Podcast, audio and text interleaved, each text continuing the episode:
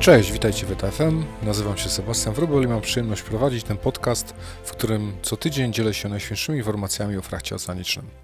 Swoją przygodę w tej branży rozpocząłem w 2005 roku i od tego czasu po stronie firm spedycyjnych pracowałem w bardzo różnych obszarach. Przeszedłem ścieżkę od małej rodzimej firmy spedycyjnej po globalnych gigantów, od pracy operacyjnej po przewodzenie rozwoju biznesu w kilkunastu krajach. Sekcję komentarzy rynkowych mam przyjemność prowadzić z Dominikiem Landa z DCT Gdańsk. Jego doświadczenie po stronie armatorów i portu idealnie uzupełnia moje spedytowskie.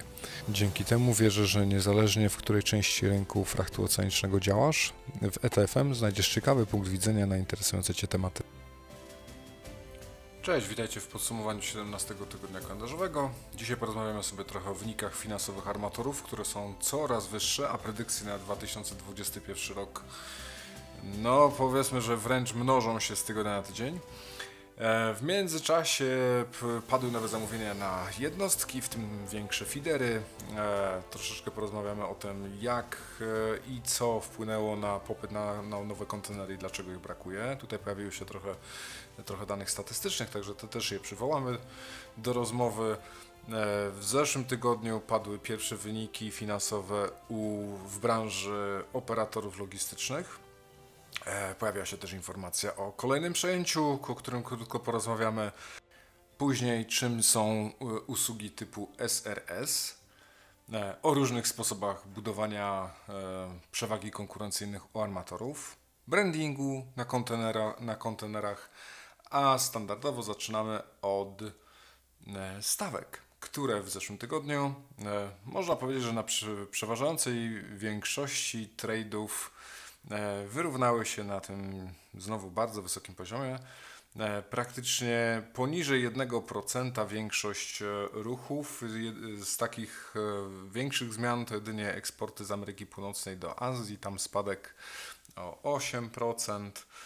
Co do trade'ów europejskich, to lekkie, lekkie 1% E, wzrosty eksportowe oraz w obszarze basenu Morza Śródziemnego. Także niewiele w tym, w tym zakresie w tym tygodniu. A teraz standardowo zapraszam do rozmowy z Dominikiem. Cześć Dominik. Cześć Sebastian. To co, dzisiaj omówimy sobie zeszły tydzień, czyli 17 tydzień kalendarzowy. Tak jest, troszeczkę krótsze dla większości z nas, ale również obfitujący w wydarzenia. Tak jest, trochę się działo. Ja, ja powiem Ci szczerze, że chyba najwięcej e, rzeczy, które na mnie z, z jakieś wrażenie duże zrobiły, to były dotyczące finansów. Jakoś tak przytłoczyła mnie informacja po, podwojenia wyniku finansowanego, spodziewanego przez Mersk. Mówię, wow. Tak, po, po, po, po wielu latach chudych następują lata tłuste. Eee, faktycznie w styczniu, marcu 2021 e, Mersk ogłosił, e, że będzie miał e, planowane przychody, bo jeszcze się podliczają, 12,5 miliarda dolarów, a EBITDA skoczyło na 3,1 miliarda, co oznacza wzrost rok do roku o 400%. Mówimy o EBITcie. Także e, w tym roku Mersk e, podał również e, podwojenie spodziewanego wyniku za ten rok na 13 do 15 miliardów dolarów EBITDA. Także jest to wynik niesamowity. Podobne wyniki pokazują też WCL i pozostali armatorzy, więc wydaje się, że wysokie stawki miały bardzo, bardzo, bardzo, bardzo pozytywny wynik na mm, inaczej, wpływ na wynik armatorów. No bez dwóch zdań, widać, widać. No, to, to, co już w sumie dosyć długo było w eterze, sygnalizowane przez e, prezesów tychże spółek, e, no to, to jednak już zaczyna się to e, iścić, także tak, to, to były informacje, które mi, mi zdominowały myślenie, jak, jak gdzieś tam widziałem to, co się działo w zeszłym tygodniu. Oprócz tego, no standardowo, nie? Stawki na stabilnie wysokim poziomie, bym powiedział. Co prawda w poprzednim tak. tygodniu Shanghai Freight Index był na znowu historycznie wysokim, no ale ten tydzień z tego co widziałem, to, to gdzieś tam się kręcił wokół, wokół tego samego, na jakieś dziesiątki procent e, ruchu w górę, w mhm. dół, jeżeli chodzi o Europę. Po, w sumie w Stanach e, chyba, z tego co pamiętam, tylko stawki do eksportowe ze Stanów do Chin spadły ale tak poza tym to wszystko na, poziom, na podobnym poziomie. Nic się wielce nie zmieniało. E, kolejny ruch e, w, e, w zamówieniach. No, jest kasa, to trzeba chyba zamawiać. To, to, czym to będzie pachniało w najbliższym czasie, to, to, to za chwilę. Ale to co, to, to, co gdzieś tam zwróciło moją uwagę, to duże zamówienia e, feederowe. E, Express Feeders, siedmiotysięczniki. Tak, no jest to o tyle ciekawe, że jakby nie było Express Feeders, y, to, to, to raczej e, nie jest e, firma znana z tego, że e, operuje dużym tonażem. Firma z Singapuru, w Europie znana z serwisów feederowych i, i shortsea. Mm, Faktycznie na DCT również mamy przyjemność obsługiwać armatora, tak samo, tak samo w Gdyni. E, A tutaj wiadomość dosyć niespodziewana faktycznie, no bo o ile powiedzmy w Europie są to mniejsze statki, w Azji zdaje się są to statki e, troszeczkę większe, ale siedmiotysięczników, o- ile się nie mylę, do tej pory ten armator jeszcze nie miał. E, A zamówienie, tak jak mówisz, jest bardzo duże, no bo jednak e, mm, 7 tysięcy to są statki, które jeszcze niedawno pływały z Azji do Europy e, parę lat temu. Klasa S merska to właśnie były statki wielkości 8 tysięcy, prawda? 8 tysięcy z kawałkiem. E, 300 kilkudziesięciometrowe, bodajże 330 metrów około. Em, I to był standard, to był ten szkielet e, floty transportowej z Azji do Europy, a w tej chwili e, można po- powiedzieć firma, która mm, zajmuje się przewozami raczej e, e, na, na mniejszą skalę, zamawia tak wielkie statki, co jest znakiem czasów. No, to już też pra- prawie 300-metrowe. Widać, że ta konstrukcja statków trochę się zmieniła, nie? W sensie one chyba poszły wszerz. E, już nie są takie długie jak wcześniej, Tak. ale, ale faktycznie y, zwróciło to moją uwagę, bo taka informacja, mówię, u, Tak, no, a, a propos, jeżeli chodzi o statki, to one mają bodajże, tak jak mówisz, 272 metry długości, 40, około 43 metrów szerokości, czyli mają 19 rzędów w poprzek. E, statki e, kiedyś, dawnej generacji, były bardziej smukłe, e, czyli były dłuższe i węższe, tak żeby porty też mogły obsługiwać te statki bez problemu em, dostępnymi suwnicami. E, W tej chwili tych suwnic jest więcej na rynku niż te 10-15 lat temu, także mm, nie jest to wielkim problemem, żeby obsługiwać statek o, o, o, szerokości tych 40 paru metrów. I faktycznie mm, najprawdopodobniej też są to jednostki, które mają prędkość marszową, e, taką, która jest najbardziej ekonomiczna, niższą niż te, niż te, które kiedyś były projektowane. No ale jak widać nie jest to potrzebne. W tej chwili transit time nie jest najważniejszy, a najważniejsza jest ekonomika i koszt jednostkowy, także te statki będą się z tego wyśmienicie pewnie wywiązywać. Mm. Ale nie tylko, nie tylko Express Feeder zamówił statki, nie? Ostatnimi czasy. No, Widziałem też rekordowe zamówienie bodajże CMA, które o dziwo też e, zamówił tych statków 22, z czego e, mówię o dziwo, dlatego że e, 6 statków to są 15-tysięczniki, 6 to są e, 13-tysięczniki, czyli właściwie jest to wielkość taka albo e, na, na, na inny trade, czyli na, na przykład na Stany, e, Azja, albo e, jest to połowa, można powiedzieć, takiego lupu, który wchodzi pomiędzy Azją a, a, a Europą. No i zamówił też 10 statków pięciotysięczników. Z czego, co jest najciekawsze, że te, te największe są zasilane LNG. Także widać, że CMA CGM jako grupa bardzo mocno postawił na te paliwa, paliwa związane z LNG. E, Co jeszcze parę lat temu nie było takie oczywiste. A tutaj zamówienie jest bardzo duże.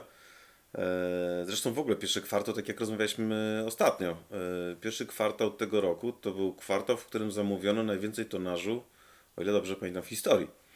E, A widać, że armatorzy się teraz nie zatrzymują. No nie, no nie. I to jest to ciekawe, bo ju- już się zanosi, że w połowie roku będzie widać jednak przypływ tych, tych nowych tonaży. Co prawda jeszcze nie z tych nowych zamówień, ale, ale jednak się zwiększy capacity. E, ale z perspektywy tego, jak ten tonaż wpłynie na wody, no to, to, to gdzieś tam możliwości przewozowe się zwiększą znacznie. I to jest też coś, o czym już rozmawialiśmy w poprzednich tygodniach. No bo kurczę, ja, jak dla mnie to jest déjà vu sprzed 10 lat. Tak, no i ciekawe. A tak, i ciekawe jestem na czym to się skończy, nie? No. No, tak. No, ja, o, o, no, historia pokazuje, że jednak bardzo duży wzrost możliwości przewozowych ma bezpośrednie przełożenie na niskie stawki, no, na które cały rynek czeka. Także e, fakt faktem, że większość firm na pewno by sobie życzyła, żeby ten rynek się gdzieś e, znormalizował dużo szybciej niż e, kiedy te statki wypłyną, no bo one przecież są spodziewane gdzieś tam w horyzoncie pewnie tam 4-5-letnim, nie? Tak jest. No ale cóż, armatorzy reagują z pewnym opóźnieniem, tak jak rozmawialiśmy ostatnio. y, y, W czasach pandemii, w zeszłym roku szczególnie, kiedy było, była duża niepewność wszystkich rynków, również, również finansowych, no bardzo ciężko było inwestować w nowy tonaż i przekonać udziałowców, że trzeba znowu e, wyrzucić kilkaset czy, czy kilka miliardów e, e, w budowę nowych jednostek, czy też, e, e, że tak powiem, odbudowanie floty kontenerów, którą też trzeba co jakiś czas przecież wymieniać. W tym roku myślę, że z perspektywy tego, jak rosną, e, jak rosną indeksy giełdowe spółek, e, tych, które są notowane oczywiście na giełdzie e, żeglugowych, no widać na przykład, że te indeksy i Hyundai'a, i Merska, i, i, i części tutaj armatorów, którzy są notowani na giełdach, urosły kilkukrotnie. Także to już, to już nie są wzrosty tak jak kiedyś 5% do góry, 10% w dół, 7% do góry. E, I, e, i wiesz, i, i ciłacze chleba powiedzmy w Danii czy gdziekolwiek indziej patrzący z, z, z dużym niepokojem na to, czy emerytura rośnie, czy, czy też nie. E, Teraz to są wzrosty takie potężne. No jeżeli idzie, idzie prezes Merska i mówi, że w tym roku zarobimy pomiędzy 13 a 15 miliardów, mówimy tutaj EBITDA, no to myślę, że akcjonariusze mogą spać spokojnie. E, A tym bardziej instytucje finansujące, które właśnie idą i później e, te statki jednak pomagają armatorom e, zakupić czy wyczarterować, są dużo bardziej spokojne. No i akcjonariusze tych, tych funduszy, tak? Także i banków. Także tak, sytuacja jest ciekawa. Zresztą w ostatnich dniach, z tego co widziałem, również armatorzy zdecydowali się o uruchomieniu dodatkowych połączeń, prawda? Rozmawialiśmy jakiś czas temu o tym, że firmy, e, że spedycje właściwie, tak? Czy, czy operatorzy intermodalni również zaczęli otwierać, e, e, uruchamiać takie połączenia interwencyjne e, i to im się opłacało na tonażu, który w, Europie wchodzi na Bałtyku do portów, a tutaj miałby płynąć z Dalekiego Wschodu do Europy. Jednak to się opłaca. E, widziałem, że Ocean Alliance również uruchomiło taki serwis przez 3 miesiące. E, będzie to serwis e, e, operowany przez jednostkę bodajże około 6000 TU, także zdecydowanie mniejsze niż te, które normalnie pływają, tak, które mają po 20 tysięcy. Ale to oznacza również, że faktycznie armatorzy stwierdzili, że ten czas nadszedł, żeby zwiększyć wolumen na tyle, na ile może przeważnie wolumen, tylko dostępną, dostępną moc przewozową. I o ile dobrze pamiętam, Hyundai również otworzył takie połączenie.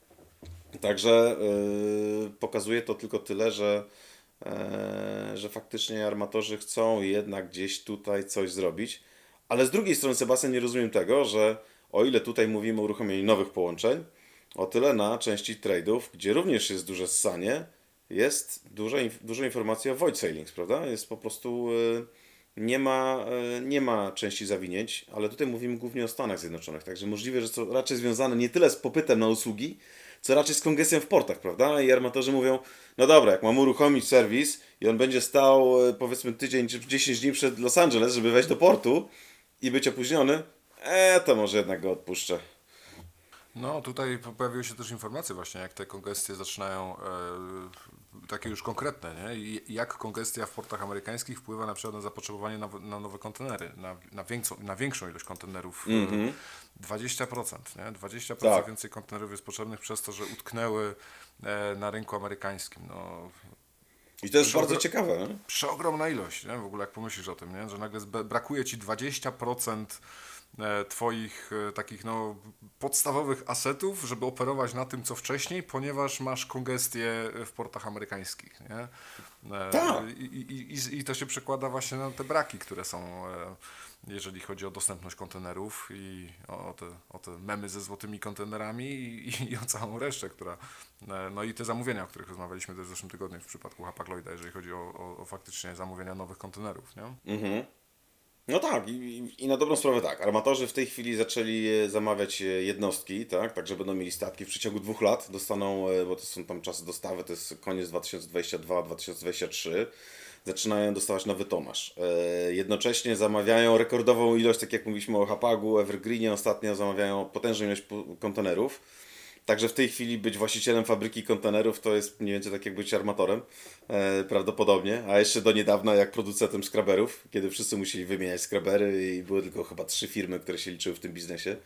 Eee, tak, no, jeżeli założymy, że taki Hapag-Lloyd powiedzmy ma ileś milionów kontenerów i 20% z całej floty, tak, na przykład jest utknęło w portach, bo nie może z nich ani wypłynąć, ani wyjechać, eee, no to jest to poważny problem, bo właściwie nie ma alternatywy, prawda? Bo jeżeli chcesz obsłużyć swoich klientów i nawet e, masz już jednostki, tak, ale nie masz kontenerów, to nie ma opakowań z czego. Możesz pójść do firmy leasingowej, która ci powie, a w tej chwili w sumie, ponieważ wszyscy ode mnie chcą kontenery, to cena jest razy 4. No i automatycznie wpływa to na, na opłacalność tego biznesu. Możesz też przyspieszyć, y, i to może być również przyczyną, dla której są problemy z kontenerami czy z dostępnością kontenerów, może też przyspieszyć obieg, prawda? No bo dajmy na to, armator yy, może powiedzieć w tej chwili, dobrze, w Stanach mam 20% kontenerów z mojej globalnej floty, które, które leżą, to w takim wypadku muszę przyspieszyć zdawanie kontenerów w innych regionach, czyli na przykład zamiast wydawać kontenery pod eksporty, będę ewakuował na pusto, ale tylko dlatego, że podjęcie kontenera pustego, powiedzmy, przez klienta, który to obładuje, e, będzie, że tak powiem, później wracał do portu, to zajmuje tydzień, dwa tygodnie czasu, dajmy na to, mm, które w tym czasie, że tak powiem, ten kontener mógłby, mógłby już pokonywać e, płynąc do Azji, gdzie frachty są zdecydowanie wyższe, nie? Bo fracht importowy z Azji do Europy pewnie jest zdecydowanie wyższy niż fracht odwrotny. Także armator e, dokonuje chłodnej kalkulacji, mówi, dobra, nie mam kontenerów, w związku z czym muszę przyspieszyć ich obieg, w związku z czym nie będę ich wydawał pod eksport. To może być również e, jedna z przyczyn, dla których tych kontenerów nie ma i pojawiają się te, te memy, jak mówisz o złotych kontenerach. Różnica w cenach e, po, po, powiedziałbym, że się utrzymuje, nie? W sensie ona zawsze wyglądała w, tak. w ten sam sposób. No wciąż jest e, pięć razy różnica, nie? jeżeli chodzi o import do, z Azji do Europy versus eksport do, do Azji. No tak. No ale powiem Ci, że tak, wiesz, no, te, o, ostatni tydzień też e, tu zaowocował wydarzeniami z, z rynków e, spedycji. Nie, bo myślę, że jakąś tam chyba pierwszą informacją była wyniki finansowe Kynę, które no, można powiedzieć pokazują też cały rynek. E, I, i co ciekawe, e, wolumeny e, tak samo właściwie versus 2,19.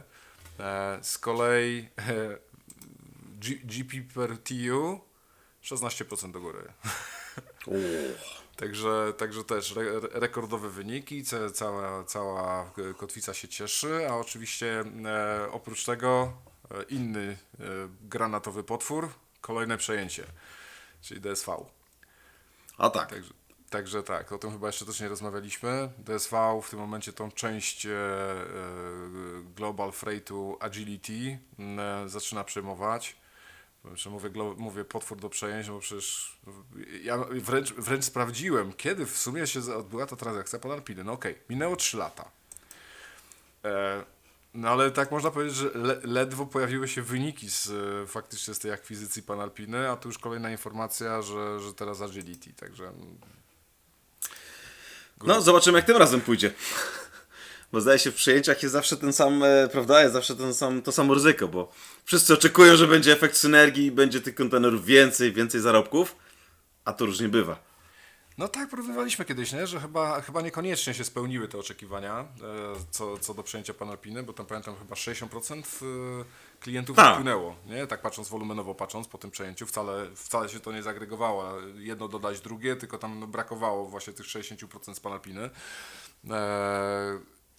Ale tak czy inaczej, no DSV, wiesz, no, patrząc z perspektywy e, oceny rynku, no to jest uważany za tego, co przejęcia robi najlepiej. Zrobili ich, mhm. no, bardzo dużo, e, tak na rynku frachtu. E, no i w, pewnie założenie jest takie, że znowu się uda przejąć, salić, e, zredukować zasoby tam, gdzie nie są potrzebne, skonsolidować tam, gdzie można, żeby, żeby jednak tą synergię gdzieś osiągnąć. No i patrząc z perspektywy wyników też dobrze stoją, także ja, także ja myślę, że wiesz, firma rośnie. Ciekawe, bo mamy Demerska duńskiego i mamy DSV duńskiego, nie? I to taka, taki mały to kraj. To samo właśnie chciałem powiedzieć. I firmy rosną głównie na, e, oczywiście na tym, że mają bardzo dobrą strategię i, i są po prostu dobre w tym, co robią ale też poprzez przejęcia, prawda? Bo na przykład są firmy, które rosną organicznie, które powiedzmy rok do roku notują większe zyski. Dajmy na to, jest to drugi, drugi największy armator tak z, z rynku żeglugowego, który nie pokazując swoich wyników, nie będąc nigdzie notowanym. E, mówimy tutaj oczywiście o, o szwajcarskim MSC. E, jednak rośnie, robi kawał dobrej roboty, cały czas coraz więcej, coraz więcej, coraz więcej. Zamawia nową flotę, już pewnie niedługo, patrząc na zamówienia, przeskoczy numer jeden, czyli Merska. A jednocześnie w tym czasie e, rywalizacja pomiędzy Merskiem i MSC była taka, że Mersk podejmował bardzo dobrych decyzji, jeżeli chodzi o, o przejęcia, prawda? No i, i nagle było troszeczkę jak, jak, jak Pacman e, był Hamburg Süd. Bardzo dobry zakup, świetny, bardzo, bardzo dobra integracja. Wcześniej oczywiście P&O, Ned Lloyd, cała reszta firm, które, których już z nami tutaj nie ma jako jednostek pozostałych, ale, ale jednocześnie ich wkład dalej jest, funkcjonuje w tym tej olbrzymiej maszynie Merska. I tak jak mówisz, ciekawe, prawda? Że to jest nieduży kraj, patrząc z perspektywy Europy, Dania, a jednocześnie wygenerował bardzo znaczące firmy w tym biznesie. No, Szwajcaria podobnie, prawda? Też nieduży kraj. No Szwajca Szwajcaria to wiadomo, nie? że, że to, to ma trochę inny wydźwięk. E, to w, w, większości to nie są firmy, które urodziły się w Szwajcarii. E, to raczej są filmy, które się przeniosły do Szwajcarii z wiadomych względów, ale więc, więc tam są inne kryteria, ale co, co, co do Danii, nie, no wiesz, no jak po, po, popatrząc przynajmniej na tą branżę mhm. powiedzmy spedycyjno-frachtową, e, no to jeżeli chodzi o fracht i żeglugę, no to generalnie to są przed Niemcami, no bo sam Maersk robi robotę. E, z perspektywy spedycji, no to jednak Niemcy dominują, no ale wiesz, jak patrząc na gospodarkę niemiecką i to zaplecze, które, które mieli na, do, do rozwoju versus e, e, Dania, to wiesz, to, to są zupełnie inne decyzje do podjęcia i, i, i pełen szacun. No, generalnie firma jak rośnie, mają dużo problemów, nie? Dużo problemów związanych z kulturą organizacyjną, to, to jest oczywiste. Przy, przy takiej strategii przejęć to E, to, to tej kultury nie sposób budować w ten sposób, jak się rośnie organicznie, jednak e, trochę inaczej wygląda e, rynek związany z pracownikami, no bo to tworzy dużo niepewności, każde przejęcie to, to, to jest po prostu, wiesz, duży znak zapytania dla wielu osób z firmy przejmowanej i tej, co przejmuje, także o, o tym przy tak. okazji wspomnę, w tym tygodniu będę, będę publikował wywiad z Aliną, E, Angielczyk z Hapaga też e, w sumie dużo powie o zmianach, przejęciach, konsolidacjach, bo tam się bardzo dużo działo. E, także, także w drugiej połowie tygodnia to pójdzie na antenę. Ale, ale tak, DSV, bestia. ja tego nie wiem inaczej nazwać. Ja pamiętam, jak ja zaczynałem w ogóle pracę, to byłem na praktykach w firmie, która się wtedy nazywała DFDS, czyli w sumie DSV i się właśnie zaczynał ten, ten, ten rajd poprzez jedną z pierwszych e, jednych, jedno z pierwszych połączeń z Fransmasem e, i później już poleciało, także tak, no ja też miałem okazję pracować swego czasu w, w grupie Mersk, gdzie e, niedługo po tym, jak zostałem zatrudniony, przyjęliśmy, e, przyjęliśmy kolejną spółkę i e, pojawił się tak zwany streamline, e, co oznaczało właśnie diametralną zmianę w stosunku do tego, czy MERS był wcześniej, bo e, w Danii e, było takie podejście, że jeżeli już się skończyło powiedzmy szkołę średnią, e, można było pójść na, na MISę, tak? czyli na ten taki kurs merskowy, który kształcił przyszłych menedżerów grupy Mersk bądź też e, można było oczywiście dołączyć do firmy później, ale generalnie była to robota, którą się e, dostawało i to była jedyna praca w życiu. No, oczywiście można było po różnych spółkach tam e, pracować, natomiast była to taka, taki, taki, taki job na całe życie. A później się okazało, że mm, niekoniecznie, bo właśnie w ramach tych przejęć okazywało się, że bardzo dużo przychodziło nowych, świeżych menedżerów, ludzi z pomysłami, i e, firma weszła w taką właśnie w taką fazę rozwoju swojego, że poprzez przejęcia ubogacała się wbrew pozorom i e, zmieniała się jej strategia i faktycznie rosła e, i dzisiaj można zobaczyć, że ta strategia wydaje się, że ma sens, bo jest to firma bardzo odporna, jednocześnie z perspektywy klientów myślę, że innowacyjna. Zresztą bardzo dużo się zadziało, prawda? Oczywiście nie tylko w Mersku, ale w też pozostałych firmach. Jak patrzymy z perspektywy, że kiedyś właściwie dokumenty można było dostarczać tylko, tylko papierowo i to jeszcze z, najlepiej ze stemplami, podpisami, prawda? Co generalnie w dzisiejszym świecie jest no, tak troszeczkę woła pomstę do nieba, prawda? Że jesteśmy e, w co po niektórych kwestiach troszeczkę zapóźnieni, jeżeli chodzi o nasz biznes. E, z perspektywy tego, że możesz sobie kupić samochód przez internet i jeszcze go obejrzeć powiedzmy w rzeczywistości 3D albo w ogóle w augmented reality, tak? I patrzysz, mówisz, o super, właściwie to chciałbym mieć w, taki, takim, e, w takim e, kolorze. Dostarczają ci go pod dom, możesz nim jeździć, jeszcze go zwrócić na przykład w jakimś tam okresie czasu, jeżeli powiesz, nie, w sumie to mi się nie podoba. A u nas jednak duża część, duża część osób była przyzwyczajona do tego, że musi śmigać z papierami i bez tego papieru kontener nie zostanie na przykład zwolniony, prawda? E, zresztą podobna sytuacja jest na kolei, też e, listy przewozowe. Oczywiście to się wszystko zmienia bardzo szybko, ale e, przez długi, długi czas to było takie dosyć ciekawe, prawda? Z perspektywy innych przemysłów i myślę, że klienci w sumie wymusili tą zmianę, bo, bo jednak firmy szybkie, współpracujące w oparciu o elektroniczną wymianę danych, jednak tego samego spodziewają się od swoich dostawców, w tym logistycznych. No tak, bez dwóch zdań. Słuchaj, mnie tu jeszcze ciekawi e, to, to co w, te, w czym też Mersk bierze udział. Mhm. Już jak rozmawialiśmy chwilę o Mersku. E, czyli te połączenia takie bardzo, bardzo intermodalowe, nie? w sensie wejście na, wejście na ten rynek kolejowy z własnymi serwisami, mhm. już wiesz, z taką pełną merskową nomenklaturą, AE19 gdzieś tam przez, przez Rosję, e, a teraz AE77 gdzieś tam już też, też wewnątrz Rosji, w sensie e, to jest chyba połączenie z Moskwy w sumie, patrząc po, spod Moskwy, gdzieś tam do Noworosyjska przez, przez Morze Czarne na drugą stronę, e, ale właśnie kolej plus feeder. Nie? Czyli takie tak. już bardzo, bardzo, bardzo wejście w ten świat intermodalu związanego z obsługą taką no, z perspektywy męska egzotyczną, czyli przez ląd. Tak, znaczy Mers poszedł, y, poszedł swoją drogą i y, e, o ile e, cały świat zachwyca się e, w dalszym ciągu bardziej lub mniej połączeniami z Chin, prawda, do Europy, jednocześnie pociągi jeżdżą przez część Europy, część, czasami Mongolię, różne inne tutaj kraje. Co oczywiście może powodować przy przekraczaniu różnych granic, może powodować opóźnienia i, i, i, jednak jest to przekraczanie granic, które jest związane z odprawą celną, ze sprawdzaniem i ładunku i, i, samego składu. O tyle y, MERS poszedł inną drogą, to znaczy mm, Pierwszy, pierwszą taką jaskółką był serwis AE19, tak jak mówisz już w merskowej nomenklaturze, czyli Asia Europe 19, e, który jest określany mianem SRS, czyli to jest Sea Rail Sea. I teraz my, jako DCT Gdańsk, e, zostaliśmy mm, do tego serwisu zaproszeni kilka lat temu.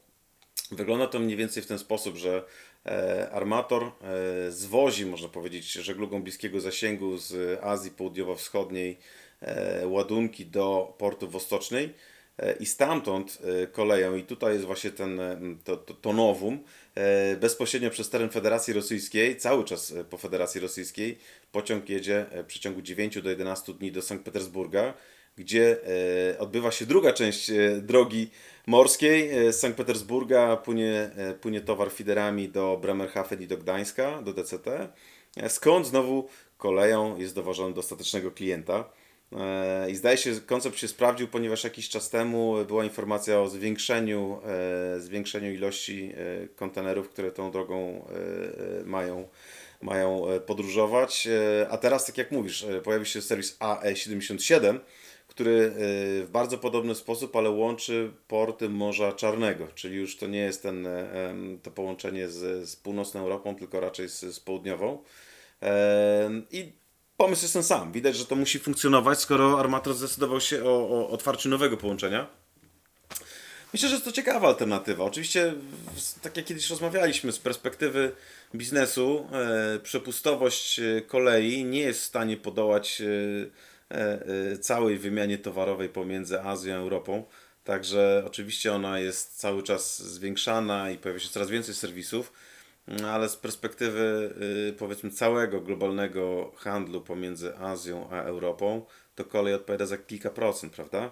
Tej wymiany towarowej w kontenerach oczywiście. I teraz czy to będzie 5%, czy 7%, czy 10%, to dalej nie będzie to 90%, które jest transportowane drogą, e, drogą morską.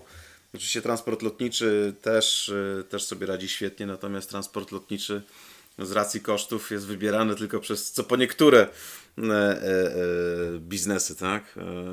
E, ale I, jednak... ta, I ta kolej też y, gdzieś tam. y, i- Ja, ja zawsze patrzyłem na tą te, powiedzmy transsyberyjską kolej, czyli Far East do Europy, e, jako alternatywę bardziej do, do transportu lotniczego niż morskiego, nie? To jest jednak ten moment, w którym komuś zależy na czasie i, i tak historycznie patrząc e, wybierał lotniczy, jeżeli zależało mu na czasie, e, czy też morsko-lotniczy jeszcze się w międzyczasie pojawił oczywiście, a, a tu się pojawiła ta alternatywa w postaci jedwabnego szlaku. A, Ale y, ja tak wiesz, jak spojrzałem pierwszy raz na to, mówię, kurczę, jak dystrybucja krajowa.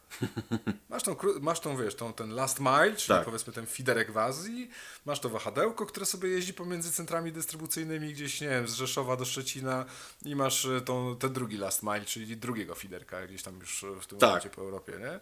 Mówię, Coś, co jeszcze, jeszcze nie tak dawno w ogóle nie było zbytnio rozpatrywane, jeżeli chodzi o taką właśnie e, międzykontynentalne e, transporty, także Tak, ale rozwija się branża. widać, że jest to znak czasów, wiesz, bo bodajże w zeszłym tygodniu też była informacja o tym, że drugi armator, y, mówię tutaj o wolumenie, MSC, też otwiera takie same połączenia.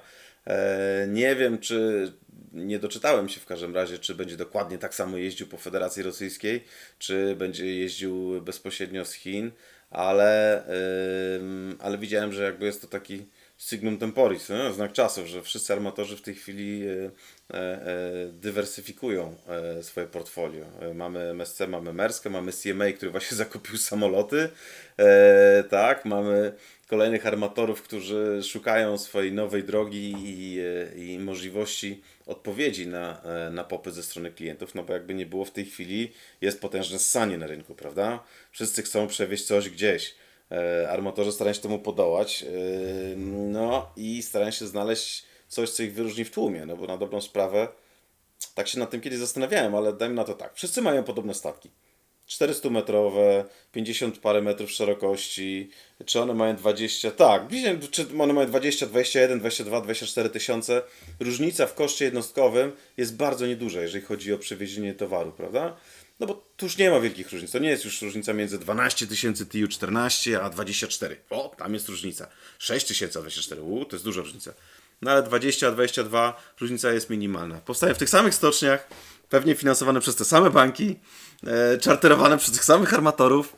I teraz, jak armator może, powiedzmy, jeden do drugiego się odróżnić? E, Pływa na tych samych e, statkach, e, do tych samych portów, e, ma ten sam transit time. Ok, czasami może przyspieszyć tam 1-2 dni, ale generalnie jest bardzo podobnie, a z uwagi na, na, na, na to, że są w aliansie, no też nie ma za dużo możliwości pofolgowania swoim, swoim pomysłom.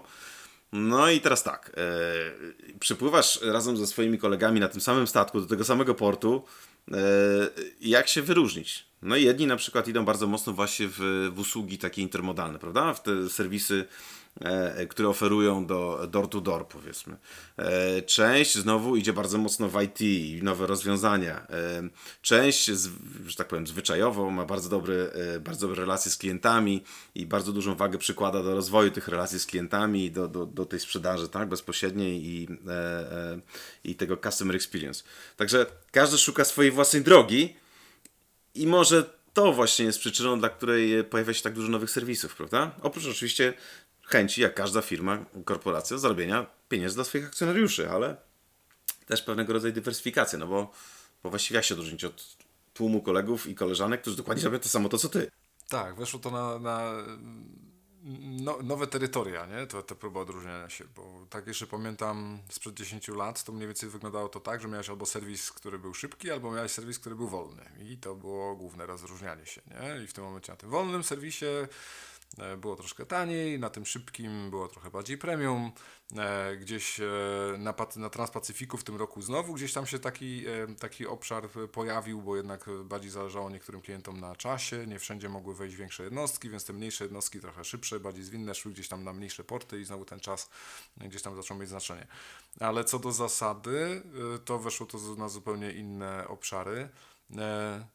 No i Mersk gdzieś tam prekursorem był przez wiele lat przecież właśnie wchodzenia w te, w te nowe, nowe obszary i, i, i można powiedzieć wchodzenia na terytoria wcześniej zarezerwowane dla, dla firm spedycyjnych, dla, dla operatorów logistycznych, nie? Także, także podejrzewam, że dla Merska to taki bardzo naturalny, e, naturalne rozszerzenie tego serwisu, ponieważ domyślam się, że klienci ich pytali. Myślę, że tak, wiesz, no, ale tak sobie, tak sobie właśnie ostatnio pomyślałem, wiesz, bo a propos tego wyróżniania, zobacz, parę lat temu pojawił się e, nowy armator, e, może nie tyle nowy, ile, ile e, armator, który e, zdecydował się wyróżnić bardzo mocno w tłumie, mówimy tutaj o ONI. Patrząc na kolor e, kadłubów e, statków nowo zamawianych oraz na kolor kontenerów magenta, Troszkę e, się wyróżnia. Tak jest, bardzo się wyróżnia. E, Jest to bardzo ciekawe podejście. Muszę powiedzieć, że e, jeżeli nas słuchają tutaj koledzy i koleżanki z ONI, e, wszystkie gadżety reklamowe, marketingowe ONI świetnie się rozchodzą, szczególnie wśród, e, wśród damskiej części e, tutaj naszego biznesu. A prosimy serdecznie pozdrawiamy. Serdecznie pozdrawiamy i jest to bardzo ciekawe podejście, nie? Bo na przykład okazało się, że kolorem e, kontenerów i w ogóle całym brandingiem można zwrócić na siebie uwagę i wyjść trochę z tego tłumu, prawda? Że szaro-burych, jakichś tam kontenerów. E, tutaj na przykład bardzo mocny akcent. E, oczywiście cała historia powstania, jak powstał ten kolor, o której słyszałem, że jest to kolor kwiatu kwitnącej wiśni, albo że jest to zmieszany, zmieszane kolory pozostałych trzech armatorów japońskich, które nagle okazało się, że wychodzą na magenta. To oczywiście pewnie nam może opowiedzieć e, gość, jeżeli kiedyś do nas zawita za ONI, ale, ale jest to bardzo ciekawe, prawda? Że jakby można się wyróżnić w ten Z chęcią, sposób. us, us, z chęcią usłyszę tą historię od gościa z ONI. E, tak, Pole, Tak. polecamy się. Zachęcamy No właśnie, też, też myślę, że to by było ciekawe, bo, bo jakby nie było, jest to kompletnie nowy twór, prawda? Który sobie coraz lepiej radzi. E, mówię o kompletnie nowym tworze, bo jest to alians trzech japońskich armatorów, e, który kompletnie zmieni wizerunek, prawda? E, jest, e, funkcjonuje w ramach również e, The Alliance, e, ma nowe portfolio połączeń i to jest bardzo ciekawe. Ja, ja powiem Ci szczerze, że tak trochę jestem, jestem zagubiony właśnie. Czy to można nazywać aliansem jako... y, y, czy, czy to już jest coś dalej niż alians? Tak... Em, no właśnie, to jest, i to jest właśnie dobre pytanie do, do potencjalnego gościa z ONI, bo, e, bo przyznam szczerze, że sam się nad tym zastanawiałem, jak, jak właściwie to funkcjonuje. E, możemy powiedzieć, że funkcjonuje to coraz lepiej, bo o ile kiedyś armatorzy japońscy notowali wyniki, zresztą pewnie jak większość rynków w tym czasie, e, e, raczej nie były to wyniki pozytywne, albo były to, e, że tak powiem, bardzo delikatnie pozytywne wyniki, jak parę lat temu wyglądał rynek armatorów żeglugowych, armator, przepraszam, kontenerowych. O tyle teraz radzą sobie świetnie. Ale jest to w jakiś sposób, prawda? Bo na przykład zobacz, jak popatrzysz się gdzieś, gdziekolwiek na całym świecie, jesteś e, czy w porcie, terminalu, czy, na, czy, czy widzisz e, kontenery na statkach, to e, cała historia jest zapisana na kontenerach, prawda? No bo duża część kontenerów ma jeszcze oznaczenia linii, których już dawno nie ma, które zostały wchłonięte przez swoich konkurentów. I nikt nigdy nie zastanawia się nad tym, żeby je odmalować przecież nowe barwy. Po pierwsze, koszt takiej operacji byłby niesamowity. Po drugie, właściwie to po co, skoro kontener jeszcze się nadaje do, do, do żeglugi. Mm, A jednocześnie, y, kiedyś pamiętam, że był taki projekt, wiesz, y, jak zamawiasz ileś tysięcy kontenerów, to oczywiście koszt obrędowania tego kontenera e, to jest jakiś, tak? No, powiedzmy, musisz zrobić dużą gwiazdę, czy napis, czy cokolwiek innego, czy logotyp e, na kontenerze w innym kolorze, Jakieś żeby się fale, wyróżniał. coś tam się. Tak, właśnie, jakieś e, fale, czy, czy, czy cokolwiek innego.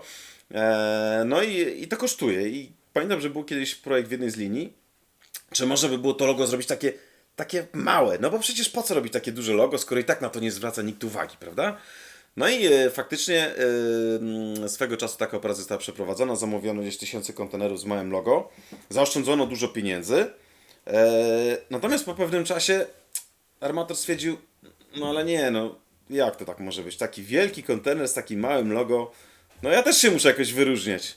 No i okazało się, że e, projekt został zarzucony. Do dzisiaj e, kontenery tego armatora można zaobserwować w portach i na statkach, e, gdzie właściwie tych, tego logo nie ma, więc trzeba mieć sokoli wzrok albo dobrą lornetkę. Ale to pokazuje, że mimo wszystko armatorzy są przywiązani do swoich barw, tak jak kiedyś w dawnych latach flagi państwowe były, prawda? Na tych, no, właściwie bandery na, na jednostkach handlowych. Były bandery różnych krajów. Teraz troszeczkę mi się wydaje, tak zostało to też, e, też jeżeli chodzi o barwy korporacyjne, tak? Mers ma swoje, MSC ma swoje, CMA ma swoje, Evergreen ma swoje, każdy ma swoje. Część e, armatorów jeszcze bardzo mocno podnosi element e, e, państwowości statków, prawda? Hapak przecież ma dużo jednostek też e, e, e, niemieckich. Maersk ma e, swoje statki też rejestruje w Danii, chociaż pewnie nie jest to najtańszy kraj do rejestracji czegokolwiek, a mimo to jednak z dumą mają porty, e, porty e, swoje, pewnie pozostali armatorzy bardzo podobnie, więc jest to, jest to ciekawe. Jest to ciekawe. Co, myślę, myślę, że są, myślę, że są kraje na świecie, takie mocno eksportowe i powiedzmy z gospodarek rozwijających się, gdzie, gdzie branding właśnie ten, który widać na kontenerach, to może być jednym z najbardziej rozpoznawalnych w ogóle w głowach osób, które tam mieszkają, także e, no, i- no i to, to jest też e, pewnie trudno mierzalny e, wpływ na to, nie? Czy, czy faktycznie to, że jadą kontenery z, jakimś tam unikalnym logotypem, to, to mocno gdzieś tam wpływa na, na, na, ten, na ten rynek i rozpoznawalność tej firmy, czy też nie, no bo jednak one się rzucają oczy, w oczy wszystkim, e, a, a jednak e, rynek jest mocno niszowy, nie? Także to, to nie jest e, tutaj ma, masowy klient, który może, może widzieć tą markę. E, ale ja tam się zawsze cieszyłem, powiem szczerze. Jeszcze, zwłaszcza mieszkając gdzieś tam w głębi kraju, nie? że jak gdzieś widziałem właśnie kontenery obrędowane e, w, e, armatorami, których znałem, z którymi, z którymi współpracowałem, to, to zawsze gdzieś to miało takie pozytywny miało wydźwięk. E, No i chyba patrząc nawet z perspektywy tych dużych e, e, operatorów logistycznych, no nie da się od tego uciec, nie? Wszy- Wszystkie, wszystkie tabory są obrędowane, nawet jeżeli nie są własnością tej firmy, to, to, to wręcz jest to wymóg operatora, żeby dla niego jeździć jako przewoźnik, także to się raczej nie zmieni. W sumie wiele lat widziałem te kontenery, które były w dzierżawie, nie? Jako tam e, takie właśnie te najbardziej szarobure i bez brandingów i brązowe i jakieś tam, no takie powiedzmy brzydkie. E, nie wiem, czy tu się coś zmieniło w ogóle w tym obszarze i też zaczęły być brandowane na, na, na konkretnych e, armatorów? Bo tak jakoś mniej ich widzę, mam wrażenie ostatnio. Te leasingowe, wiesz co, cały czas są, natomiast one zawsze są tak jak mówisz, w takich kolorach szaroburych, z reguły to są, to jest taka czerwień, e, nie wiem, jestem mężczyzną, więc prawdopodobnie taki jestem portfel. daltonistą, ale, Tak, ale... możemy długo rozmawiać i nie trafimy Tak. w ten kolor. Cho- Chodzi taki, nie taki rdzawy kolor, o taki troszeczkę można powiedzieć, oczywiście nie ma z nic wspólnego, po prostu to jest, to jest e, kolor farby chroniącej e, kontenery, stal kontenerowa, jak wiesz, jest zrobiona z tak zwanej, to jest, to jest, to jest tak zwana stal kortenowa, więc to jest stal, która faktycznie, zresztą to, to widać na naszym ECS-ie, to jest e, w Gdańsku, to jest e, stal, która zachodzi, można powiedzieć, rdzą, ale nie przerdze, nie, nie, nie, nie można, znaczy inaczej, pewnie z długim okres czasu można, ale generalnie nie, e, nie robi się dziura na wylot. I to jest stal droga, bardzo wytrzymała, natomiast jeszcze często jest malowana właśnie taką farbą, nie wiem jak to nazwać, podkładową, taka, taka rdzawa, czerwona i tak mi się zawsze kojarzyły właśnie kontenery leasingowane, bo to jest najtańsza farba, najbardziej chroni e, kontener, e, nie trzeba przemalowywać całej puszki na, na kolor powiedzmy niebieski, czy, czy, czy, czy zielony, czy jakikolwiek inny. E, I tych kontenerów jeszcze sporo jest. Ta, ta, ta stal, która kiedyś się kojarzyła mocno właśnie z branżą powiedzmy e, taką industrialną, to, to w tej chwili wiesz, wchodzi na salony, to jest jeden z takich bardziej trendy materiałów, jeżeli chodzi o wykończenia, właśnie takie ładnie zachodzące, taką rdzą. Tak, No, e, faktycznie. Dużo No właśnie, się widzi teraz już takich też budynków. tak, no właśnie w Gdańsku ECS, czyli, ten, e, czyli Europejskie Centrum Solidarności, zostało pokryte tą stalą kortenową, żeby przypominać kadłub statku, tak? No bo faktycznie ECS znajduje się w, w, e, na terenie stoczni. E, I e, chociaż produkcja, powiedzmy, już tych wielkich jednostek nie, nie następuje, czy, czy, czy nie jest kontynuowana. Oczywiście jest produkcja dalej statków, części statków, sekcji i tak dalej, ale, ale to już nie są te, te wolumeny, które kiedyś były.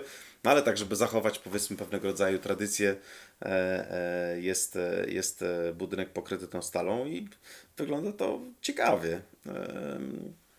Oczywiście to jest taki, tak jak mówisz, mocno industrialny temat. Ale a propos, słuchaj, że tak powiem, tutaj już temat taki, jaki pewnie mam na koniec. Widziałeś, jak wzrosły przeładunki w portach? Widziałem. No. Wie- Wiedziałem, żeby zostawić ci ten temat na wisienkę na sam koniec, także... Tak, no, ja powiem szczerze, yy, byłem, byłem o, tyle, o tyle zaciekawiony, że faktycznie my zanotowaliśmy delikatny spadek w zeszłym roku. E, natomiast widzę, że w pierwszym kwartale 2021 mamy tak, Antwerpia wzrosła o 2,3%, e, Göteborg o 0,5%, Rotterdam 4,5%, Gdańsk 8,6%. I w pewnym momencie zacząłem sobie myśleć, wow, jak to jest dużo, prawda? Ale jak zobaczyłem wyniki portów e, chińskich, to generalnie dużo zrobiło się mało. Bo Szanghaj wzrósł o 22%, a Ningbo o 25%. Co tylko pokazuje, e, że e, jednak, e, jednak tak, szala chyba, szala takiej, może być, nie wagi ekonomicznej czy, czy, czy siły ekonomii bardzo mocno przeważa się w stronę Azji, prawda? Jak popatrzysz na, na, na wyniki tamtejszych gospodarek, na to, że Chiny już niedługo lub też są, albo już niedługo będą gospodarką numer jeden na świecie, porty, które przodowują przepotężne, niewyobrażalne dla nas w Europie wolumeny kontenerów i jeszcze potrafią rosnąć o 25, Shenzhen 35% wzrostu rok do roku. To jest niesamowite. Oczywiście w tym czasie te porty były wyłączone, bo pierwszy kwartał to był czas, kiedy pandemia najbardziej uderzyła w Chiny. No ale mimo wszystko 35%, no to powiem szczerze szacun. E, duży szacun. Ja, ja, ja się zawsze zawieszam, jak widzę jakąś taką, wiesz, taki port, o którym wcześniej nigdy nie słyszałem, na przykład tutaj Qingzhou, 35% wzrostu, prawie, prawie milion TIU-ów w pierwszym kwartale. Mm, Pewnie w Chinach nawet nie jest ujmowany w statystykach, wiesz? Za mały. 4 miliony TIU to, to taki port rybacki, można powiedzieć, z perspektywy. No ale, oczywiście żarty żartami, ale, ale gospodarka chińska znowu się bardzo, bardzo fajnie podnosi. Zresztą jest też bardzo ciekawy podcast yy, yy, odnośnie Chin. Nie wiem, czy kiedyś słuchałeś. E, Leszka Ślazyka. To jest Chiny 24. Bardzo ciekawa sprawa. Też dużo można się dowiedzieć. Tak. Ale cóż, na razie my musimy wykuwać tutaj nasze, nasze mniejsze wolumeny w Europie e, w pocie czoła i tego sobie życzymy. Wchodzimy, właśnie tu już weszliśmy e, w jednej trzeciej, w drugi kwartał. Mam nadzieję, że ten kwartał będzie dużo lepszy niż e, e, ten drugi kwartał zeszłego roku, czego sobie i wszystkim nam życzę, żeby po prostu tutaj już wszystko się kręciło tak jak trzeba i żebyśmy mogli wszyscy już niedługo, mam nadzieję, pójść na piwo. Teraz, wiesz, po pierwszomajowej fali szczepień w całym kraju, to nam wzrosła odporność od razu. Także. Tak jest. No Zresztą, myślę, że myślę, że wszyscy jesteśmy wytęsknieni tym, żeby spotkać innych ludzi, wyjść na ulicę, e, pójść do knajpy, spotkać się z przyjaciółmi, e, bez obaw o zdrowie swoje i najbliższych. Także ja mam nadzieję, że już niedługo będę zaszczepiony w przeciągu jednego, dwóch dni. I wtedy faktycznie tak jest. Czekaj, a który dzisiaj mamy? A czwarty. Dzisiaj mamy czwarty, to ja mam dokładnie za dwa dni, szóstego. Ha, ja też mam szóstego. Widzisz, no to już niedługo, trzeba się szczepić. Tak Trzeba się szczepić i e, wracać do normalności. Na ile ta normalność będzie wyglądała, oczywiście. Jasne. Dobra, Dominik, to dzięki. Udanego szczepienia Nawzajem, nawzajem. i miłego tygodnia. Dzięki również. Wszystkiego dobrego. Na dzisiaj to już wszystko. E, Dzięki, że byliście z nami. Jak zawsze, jeżeli macie jakiekolwiek e, informacje zwrotne dla nas, czy też sugestie odnośnie tego, o czym chcielibyście posłuchać, a być może również wystąpić w jednym z odcinków, to piszcie do mnie na sepmałpa.eta.fm e, lub na jakimkolwiek e, kanale e, social media, głównie bywam na LinkedIn, także zachęcam tam. Y, Również zachęcam, bo pozostał już ostatni tydzień do zapisania się na Makers and Movers, konferencję organizowaną przez Alcott Global. Dla przypomnienia odbędzie się 12 maja, także dokładnie y, za tydzień od e, czasu pewnie, w którym mogliście w pierwszy raz usłyszeć ten odcinek. E, A w tym tygodniu zapraszam również na wywiad e, z Aliną Angielczyk z Hapag Lloyd, która opowie o swojej historii e, z Hapagiem, a również e, o tym bardzo interesującym czasie, w jakim był sam Hapag Lloyd, kiedy miała przyjemność do niego dołączyć i być po dziś dzień. Wiele przejęć, wiele zmian. Bardzo ciekawy odcinek. Gorąco zachęcam do słuchania. Także zapraszam, a w międzyczasie życzę udanego tygodnia. Pozdrawiam, Sebastian Wrubel.